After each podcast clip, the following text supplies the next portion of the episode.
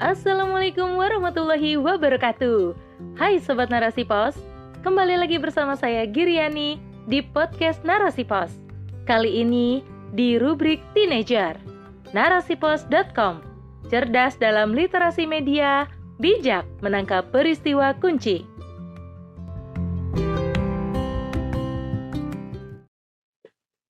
Generasi Z dan milenial berpolitik, siapkah? Oleh Yana Sofia. FYI guys, kontes pemilu 2024 sudah di depan mata.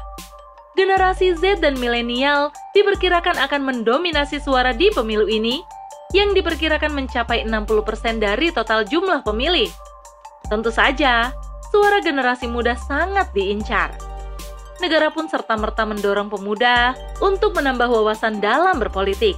Tapi, Apakah generasi Z dan milenial siap terjun di kancah dunia perpolitikan? Bagaimana caranya agar dua generasi ini berdaya demi membangun bangsa? Guys, mari kita cari jawabannya di sini. Sebagaimana yang disampaikan Ketua Bidang Organisasi dan Keanggotaan DPP Pemuda Partai Persatuan Indonesia atau Perindo, Dodi Toisuta Suara 60% dari golongan muda tersebut merupakan tantangan bagi partainya. Khususnya dalam mempersiapkan generasi muda terjun dalam kancah politik. Karena negara wajib membimbing generasi agar melek politik dan tidak membenci aktivitas berpolitik. Dikutip dari sindonnews.com, Selasa, 11 Oktober 2022.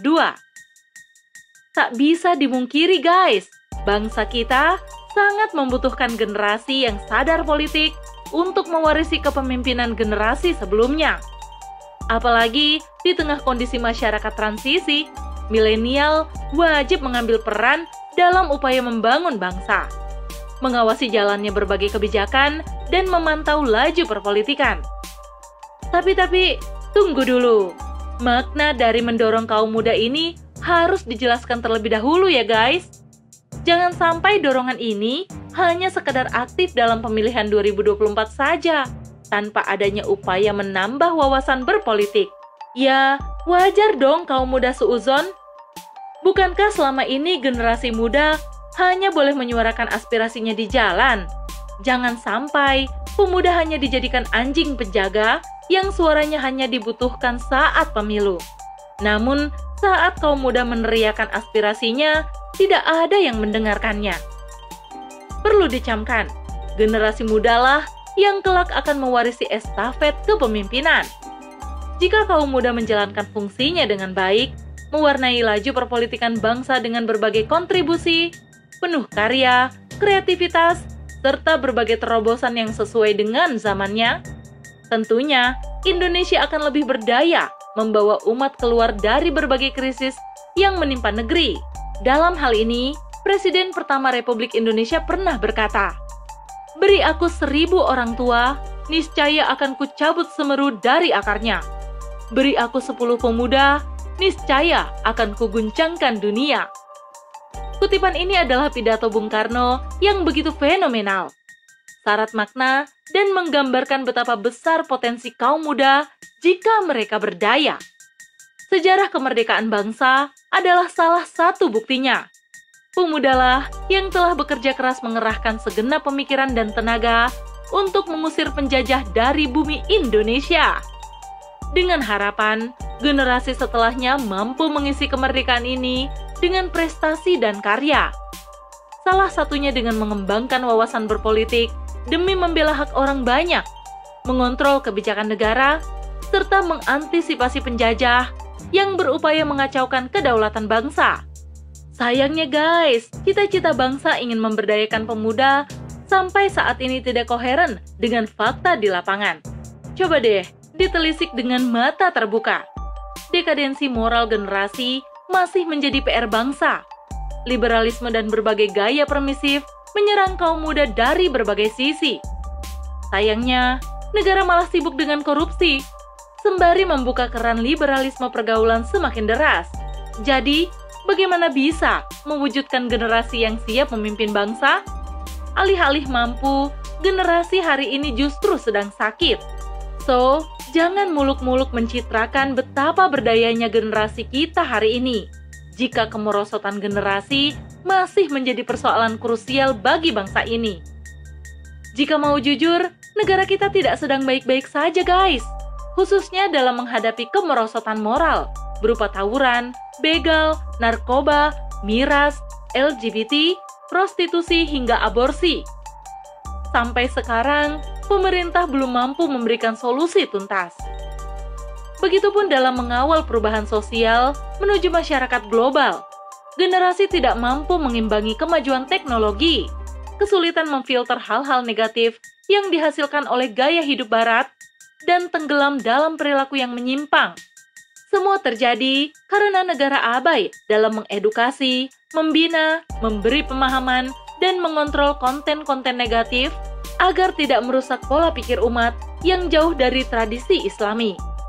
Di samping itu, guys, negara pun telah gagal memahami problem utama dekadensi moral, yakni liberalisme yang lahir dari ide pemisahan agama dari kehidupan atau sekulerisme. Sehingga upaya dakwah Islam kafah yang dilakukan oleh sebagian generasi malah dianggap berbahaya dan dicekal.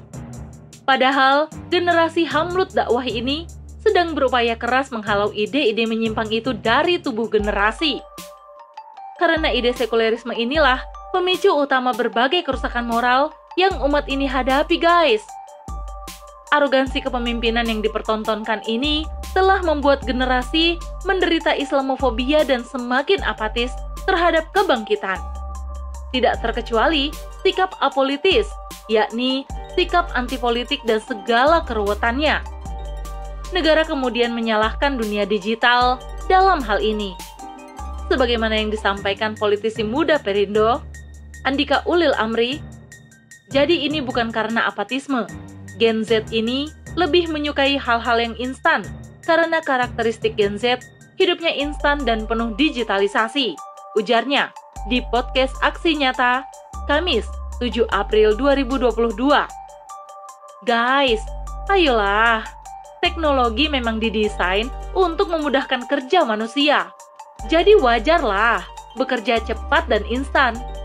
Generasi yang hidup saat ini tentunya dipengaruhi oleh hal-hal yang bergerak cepat. Namun, menganggap perilaku apolitis dipengaruhi oleh kemajuan digital adalah salah besar. Di saat negaralah yang menganggap politik itu hama bagi kaum terpelajar negara yang telah mensterilkan dunia sekolah dan kampus jauh dari aktivitas politik, membungkam generasi muda yang berbicara tentang kegagalan demokrasi dan solusi Islam kafah bagi seluruh persoalan negeri. Walhasil, banyak generasi yang menghindari diskusi-diskusi politik bukan karena mereka menyukai hal instan yang dipengaruhi dunia digitalisasi. Sekali lagi, bukan karena itu. Tidak lain karena negara kita mengadopsi sistem sekuler dalam kehidupan, sehingga menghalangi generasi berpikir kritis dan menyukai dunia politik.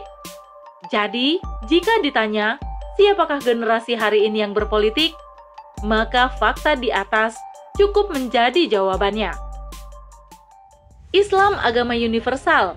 Seluruh masalah ada penyelesaiannya dalam Islam, termasuk masalah politik, guys. Politik sendiri dalam Islam berasal dari kata siasah. Akar katanya sasa yasusu siasatan yang bermakna mengurusi, melatih, dan mendidik. Dalam aktivitasnya, politik ini meliputi pemeliharaan, perbaikan, pelurusan, pemberian arah petunjuk, termasuk pendidikan. Dalam praktiknya, pelaksanaan seluruh aktivitas politik ini wajib dikontrol oleh ulil amri, karena itu, negaralah yang wajib menjamin terlaksananya seluruh urusan ini, guys. Sebagaimana sabda Rasulullah Shallallahu Alaihi Wasallam, riwayat Al Hakim. Barang siapa di pagi hari perhatiannya kepada selain Allah, maka Allah akan berlepas dari orang itu. Dan barang siapa di pagi hari tidak memperhatikan kepentingan kaum muslimin, maka ia tidak termasuk golongan mereka atau kaum muslimin. Sebagai teladan terbaik, Rasulullah Shallallahu Alaihi Wasallam telah memberi contoh praktik berpolitik yang benar, yakni menjadikan Islam satu-satunya landasan dalam mengurusi berbagai problem keumatan, termasuk menjamin terpenuhinya seluruh kebutuhan umat, menghapus kezoliman penguasa, dan melenyapkan dominasi penjajahan asing dalam bentuk apa pun.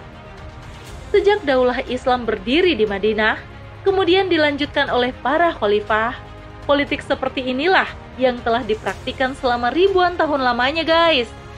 Sehingga kaum muslim mampu berada di puncak peradaban gemilang yang melahirkan generasi muda terbaik pada masanya. Ya, sebut saja Sultan Mehmet II atau yang lebih dikenal dengan julukan Muhammad Al-Fatih. Pada umur 21 tahun, ia mampu menaklukkan benteng kokoh Konstantinopel di Romawi Timur berkat kejeniusan dan wawasan politik jihadnya. Sosoknya lahir dalam sebuah peradaban emas berlandaskan Islam sebagai sistem kehidupan. Ia yang memahami konsep berpolitik tidak lain adalah untuk meninggikan Islam dan menghapus segala bentuk kezoliman. Tentu saja, Sultan Al-Fatih tidak bekerja sendirian.